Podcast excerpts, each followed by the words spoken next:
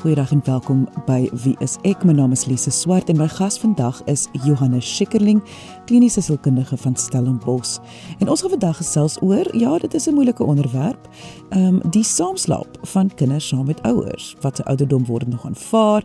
Wanneer word dit nie meer aanvaar nie? Wat is die impak op die kind en wat is die impak op die ouers? So indien jy enige vrae het, onthou jy kan ons kontak deur die webwerf gaan net na wieisek.co.za. Kom ons luister nou na my gesprek met Johannes Schikkerling oor die saamslaap van kinders in die ouerbed. Johannes, ek wil amper vir jou sê dat ek dink 'n leeutemmer is sal sal liewerste die leeu in die gesig staar voor hy 'n ma probeer tem. En hierdie spesifieke onderwerp is vir my hierdie twee ongelooflike sterk kampe van maas, veral maas wat gaan reëls hê rondom slaap 'n kind saam met jou in die bed of nie. Nou, ek dink nie ons gaan vandag vir enigiemand sê wat hulle moet en nie moet doen nie. Ek dink ons gaan maar net die feite neerlê en dan moet mense maar self besluit. Laat ons sommer daarmee by, maar begin afskop. So, uh ja, Johannes, waar wil jy begin met hierdie gesprek?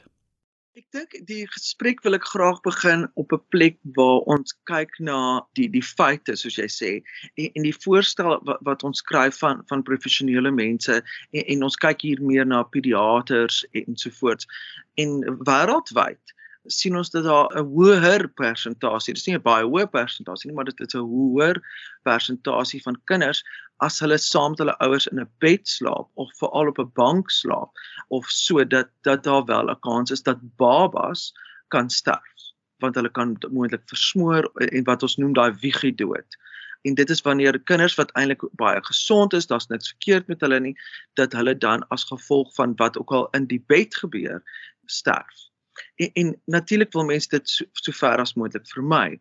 So ons reël rakende babas is dat die voorstel is dat babas nie in dieselfde bed slaap as hulle ouers nie ook nie op dieselfde bank ensovoorts nie, maar dat hulle wel in dieselfde kamer kan slaap. So jy kan die baba in hulle wiegie neerlê en hulle kan wel in die wiegie kan in wel in die kamer wees. En dit is dalk soms gemakliker vir ouers en vir ou veral ma's wat borsvoed in die nag en so en, en vir jou eie slaapkwaliteit as 'n ouer um dat die baba in jou kamer is, maar die voorstel is regtig dat 'n baba nie in jou bed moet wees nie om die risiko te verminder van um 'n wiegie dood. Waar moet 'n mens dan begin dink daaraan nou kom baba slaap nou in 'n wiegie hier in dieselfde kamer? Uh, as dit wel 'n aparte bedjie in die kamer is, maak dit 'n verskil as om saam te slaap as as ons nou praat van 'n kleuter of 'n peter en dit raak nou bietjie ouer die kind. Ja. So die idee is eintlik dat al is dit in dieselfde kamer dat dit 'n aparte bed is, maar natuurlik soos wat 'n kind ouer word, is, is daar 'n mate van onvanpasheid wat, wat daarmee saamgaan en wat ons bedoel met onvanpasheid is die privaatheid. Ouers verdien ook hulle eie privaatheid. Hulle kan ook hulle moet ook kan intiem wees met mekaar. Hulle kan hulle moet ook 'n space kan hê waar hulle gesprekke hê sonder die kinders of sonder dat hulle bekommerd is dat die dit die kinders gaan beïnvloed om veral as 'n ouer paar eenvormig te wees want ons weet aan nie alle ouers stem saam nie maar dat hulle eintlik 'n gesprek met mekaar kan hê om dan te besluit wat is die kompromie wat ons aangaan en hoe gaan ons dit as 'n ouer paar hanteer. En ons sien dat kinders in die kamer is dat dat ou dit ouers dit geweldig moeilik vind en, en dat die kind eintlik dan reeds die kompromie daar sit en dat dit eintlik nie 'n ouer besluit is nie. O, die kind is al klaar in die bed, so ons gaan nou nie meer vanaand gesels nie of of een van die ouers moet uitbeweeg. Jy weet iemand moet uh, in die sitkamer gaan slaap of iemand moet in die kind se bed gaan slaap of in die kind se kamer gaan slaap. En, en dit kan dan definitief 'n groot impak hê op 'n verhouding wat daar is tussen ouers. En dis moet mens baie versigtig wees rakende uh, waar jou kind slaap. Een van die ander groot kwessies met saam slaap met 'n kind is dat uh, hoewel dit makliker is vir ouers soms want 'n kind kry nagmerries of hulle is gewoond daaraan of soms is hulle siek en dan is dit makliker vir hulle om bietjie in die bed te lê want as daar nou iets gebeur dan is mamma onmiddellik daar en pappa's ook daarso en so en ons weet ouers um voel baie keer dat hulle nie professionele mense vertrou met hierdie inligting nie want hulle is bang juis dat dat dokters of professionele mense hulle gaan verkwalik of of hulle uh, uh um gaan sê nee dit is verkeerd maar dit is nou maar hoe dit is en en ons wil nie vir mense sê jy is verkeerd of reg nie ons wil net vir mense help verstaan wat die kwessie is en en en hoe mense dit kan adresseer. So een van die groot dinge is dat daar eintlik vaardighede by kinders verlore gaan indien hulle die hele tyd die gemak het van in dieselfde kamer slaap. Ons sien dat hulle um wat wat ons noem soos um, 'n slaapkruk het.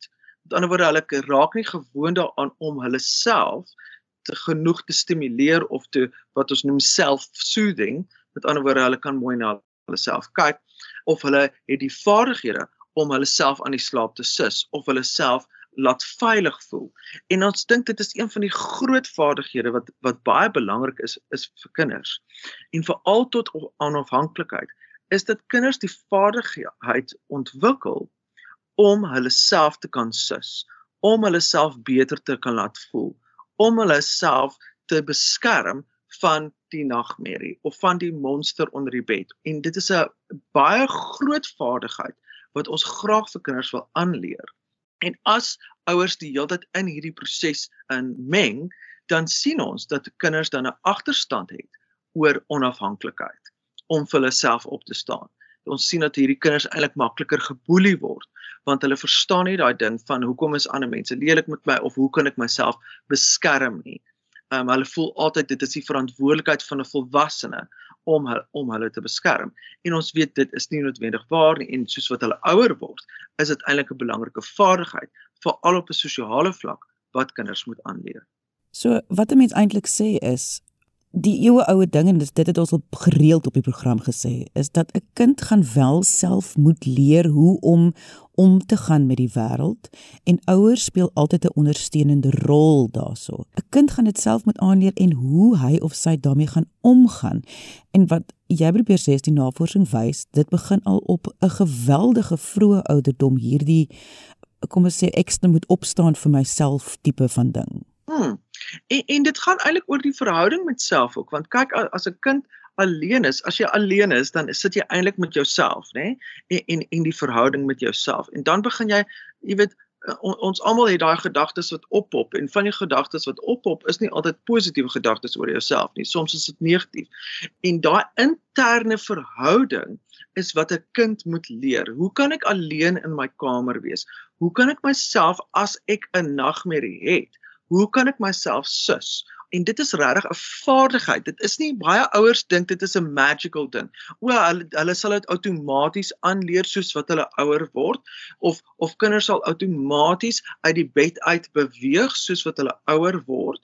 En en met sommige kinders is dit wel waar. Sommige kinders ehm um, sê o nee, ek wil nou in my eie kamer slaap maar ons sien eintlik die oorgrootste meerderheid van dit is eintlik dat hulle wil nie daai vaardigheid aanleer nie. Dit is vir hulle 'n moeilike vaardigheid om aan te leer.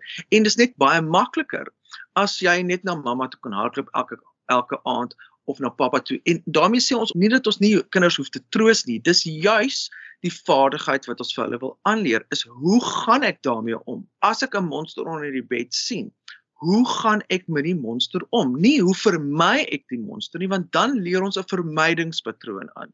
So in plaas daarvan dat ek die die die monster self uitdaag en monstersprei in my kamer het en as hy kom dan gaan ek hom spuit of of al en as dit net op 'n verbeeldingsvlak dat hulle dan op 'n verbeeldingsvlak die hero kan word vir hulle self kan opstaan vir vir hulle self kan beskerm En dit is baie belangrike ontwikkelingsfases waardeur 'n kind moet gaan in plaas van net o, daar's 'n monster, kom ek hardloop weg. En en dit is eintlik wat 'n vermydingspatroon begin. As 'n kind eers daarin vasgevang word, dan sien ons dat dit eintlik nogal moeilik is om daar uit te breek. Ek moet gou-gou 'n stapie terugneem. Ek het 'n opvolgvraag vir jou oor die feit dat ouers uh, moet hulle verhouding moet net so belangrik wees om gekoester te word. So met ander woorde, hulle moet in hulle dis hulle kamer, dit is hulle bed. En net om te gesels oor die die rol van gelukkige ouers. Wat dit speel in 'n kind se lewe, wat 'n kind sien en hoe, hoe watter effek dit op 'n kind het om te sien hoe ouers met mekaar oor die weg kom en wat hulle die ouers se verhouding met mekaar is. Ja, ons ons weet dit kinders is klein ehm um, speurders en daar's niemand wat hulle ouers beter ken as kinders nie. So hulle hou ouers die hele tyd dop. en en hulle hou hulle nie dop om vooroordeling te maak nie. Hulle hou hulle dop om inligting te kry van hoe ek met die wêreld moet omgaan. Uh en en hoe ek in die toekoms met verhoudings moet omgaan. So ons weet dat kinders wat uh, uit uit 'n uit 'n huishouding kom waar hulle 'n goeie voorbeeld het en daarbey bedoel ek nie 'n voorbeeld waar jou ouers perfek is nie. Inteendeel, daarmee bedoel ek eintlik 'n kind wat baie blootstelling het van hoe om met konflik om te gaan, 'n kind wat blootstelling het van hoe om lief te wees vir iemand anderste. So dit gaan nie oor daai perfekte beeld nie, maar dit gaan eintlik oor 'n kind wat geweldige blootstelling kry aan aan die hele spektrum van menswees, die goed, die sleg, die swaar kry, die hartseer, alles wat daarmee saamgaan. En as hulle 'n goeie basis het, en 'n goeie voorbeeld het van hoe om daarmee om te gaan, dan weet ons die kanse vir 'n suksesvolle toekoms is baie groot.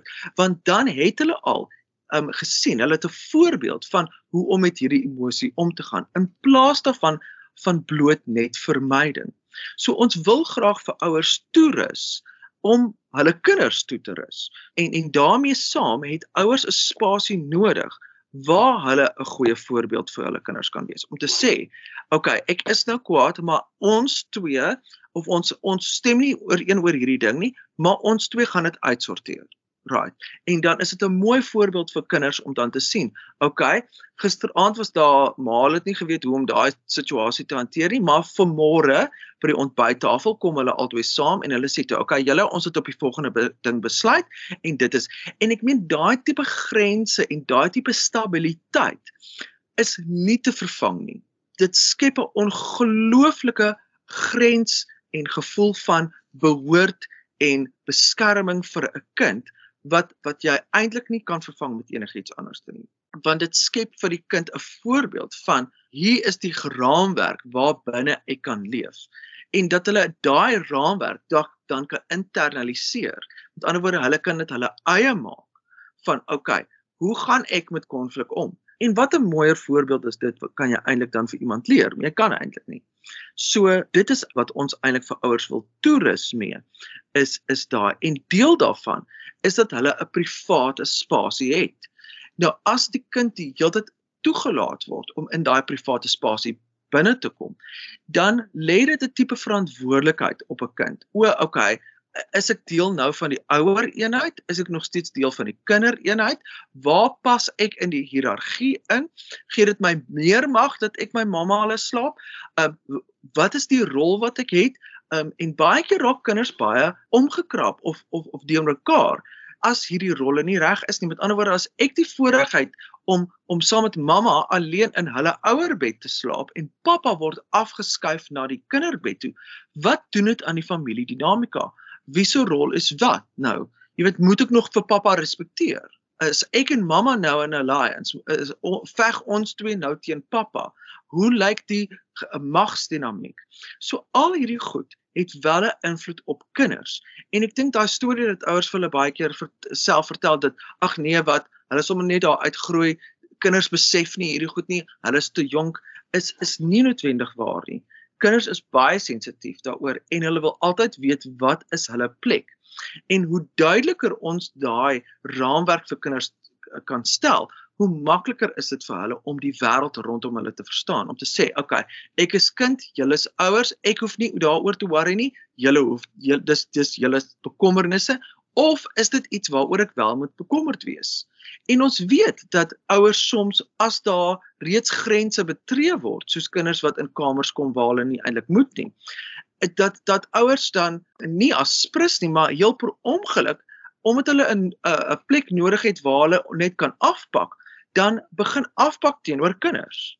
Jy weet ons lê nou hier in die bed en die kind is wakker en ek is wakker en die kind voel iets is nie lekker nie en dan begin mamma afpak oor pappa want pappa lê nou in die ander kamer en dan begin sy eintlik nou maar sê o ja nee en nee jy weet dis nou hoe hy groot geword het en dan begin 'n kind 'n konfidant raak en dit is 'n grens wat ons ten alle koste wil vermy. Johannes, ek weet nie of dit dan vir my ironies is nie, maar dit voel vir my dat 'n kind wat nou ouer word en sê net maar nou dit is ons praat nou hier van 8, 9 jaar oud en nou moet daai kind gaan slaap in hulle eie kamer want almal voel maar net nou so. Dit vir my die kind gaan mos angstig wees. Dit gaan mos so 'n tipe verwerping wees en ek sê nou jy dit is ironies want ek dink baie keer ouers wil nie hê 'n kind moet verwerp voel as hulle jonger is nie en dis hoekom hulle die kind daar laat slaap in die eerste plek. Maar kan 'n kind nie later meer angstig wees omdat hulle op 'n ouer ouderdomsgroep moet skuif na hulle eie kamer toe nie? Ons weet dat aanpassing is moeilik vir enige kind en en dis dis moet ons dit op 'n gesonde manier adresseer.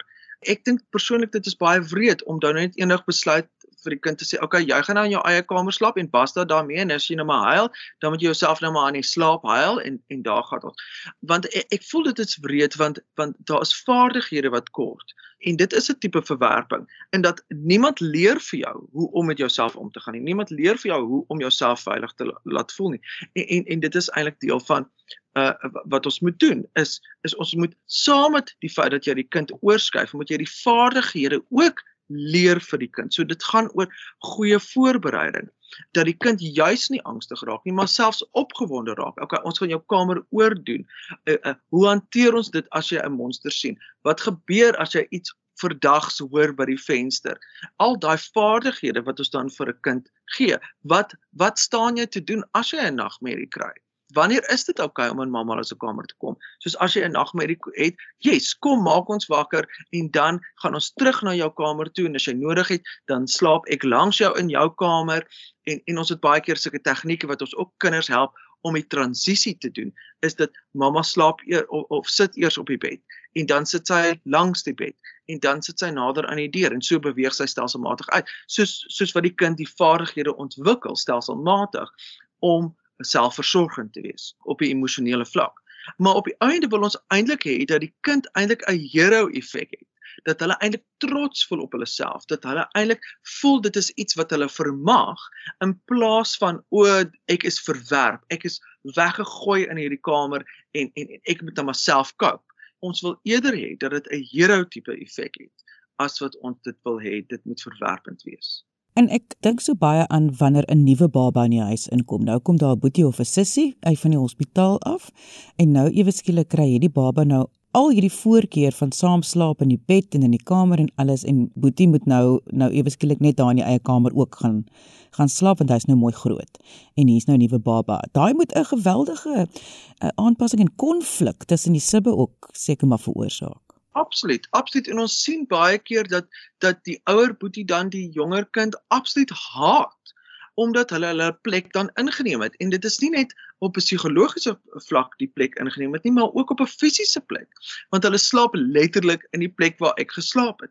So dan dan verag hulle hierdie kind en hulle wil die hele tyd die kind verwerp en verwyder en hulle toets die hele tyd die ouers in plaas daarvan dat ons eintlik goeie voorbereiding doen en dit sal deel van die voorbereiding wees dat voor dit die volgende sub kom dat mens dan vir Boetie sê okay jy gaan nou na jou kamer toe en ons maak jou kamer mooi en ensovoorts ensovoorts en die vaardighede weer eens vir die kind aanleer vir hoe begin ek dinge deel hoe deel ek my ouers Hoe laat ek toe dat iemand anderste ons familie en hoe raak ek opgewonde dat ek hierdie familie wat ek het kan deel met iemand anderste.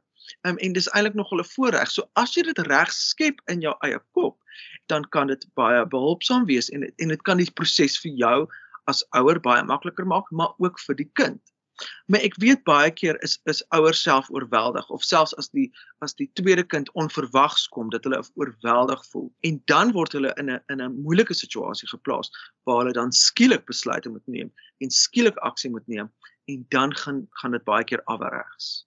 Johannes, hoe groot rol speel die geestesgesondheid van die ouer in hierdie keuse van die kind wat saam moet slaap of selfs die die geestesgesondheid van die verhouding tussen ouers in hierdie keuse. Want baie keer ek wil alle ouers gaan sê dit is die beste ding vir my kind en alle ouers doen die beste vir hulle kind natuurlik maar mens kan nie mens kan nie ignoreer dat baie om, en indien nie alles wat ons doen kom uit ons eie geskiedenis en ons eie tassies wat ons saam met ons dra nie. So ek dink dit is een van die van die faktors wat ons weet wat skep dat ouers 'n goeie voorbeeld is of nie 'n goeie voorbeeld nie, is is die mate wat hulle kan onderskei tussen hulle eie kinderervaring, uh het sy trauma al dan nie en die tipe ouer wat hulle wil wees en dat hulle die twee mooi kan onderskei. Dit was my ervaring, maar dit hulle nie oor onmiddellik projekteer en ons hoor baie keer ouers sê dit is hoe ek groot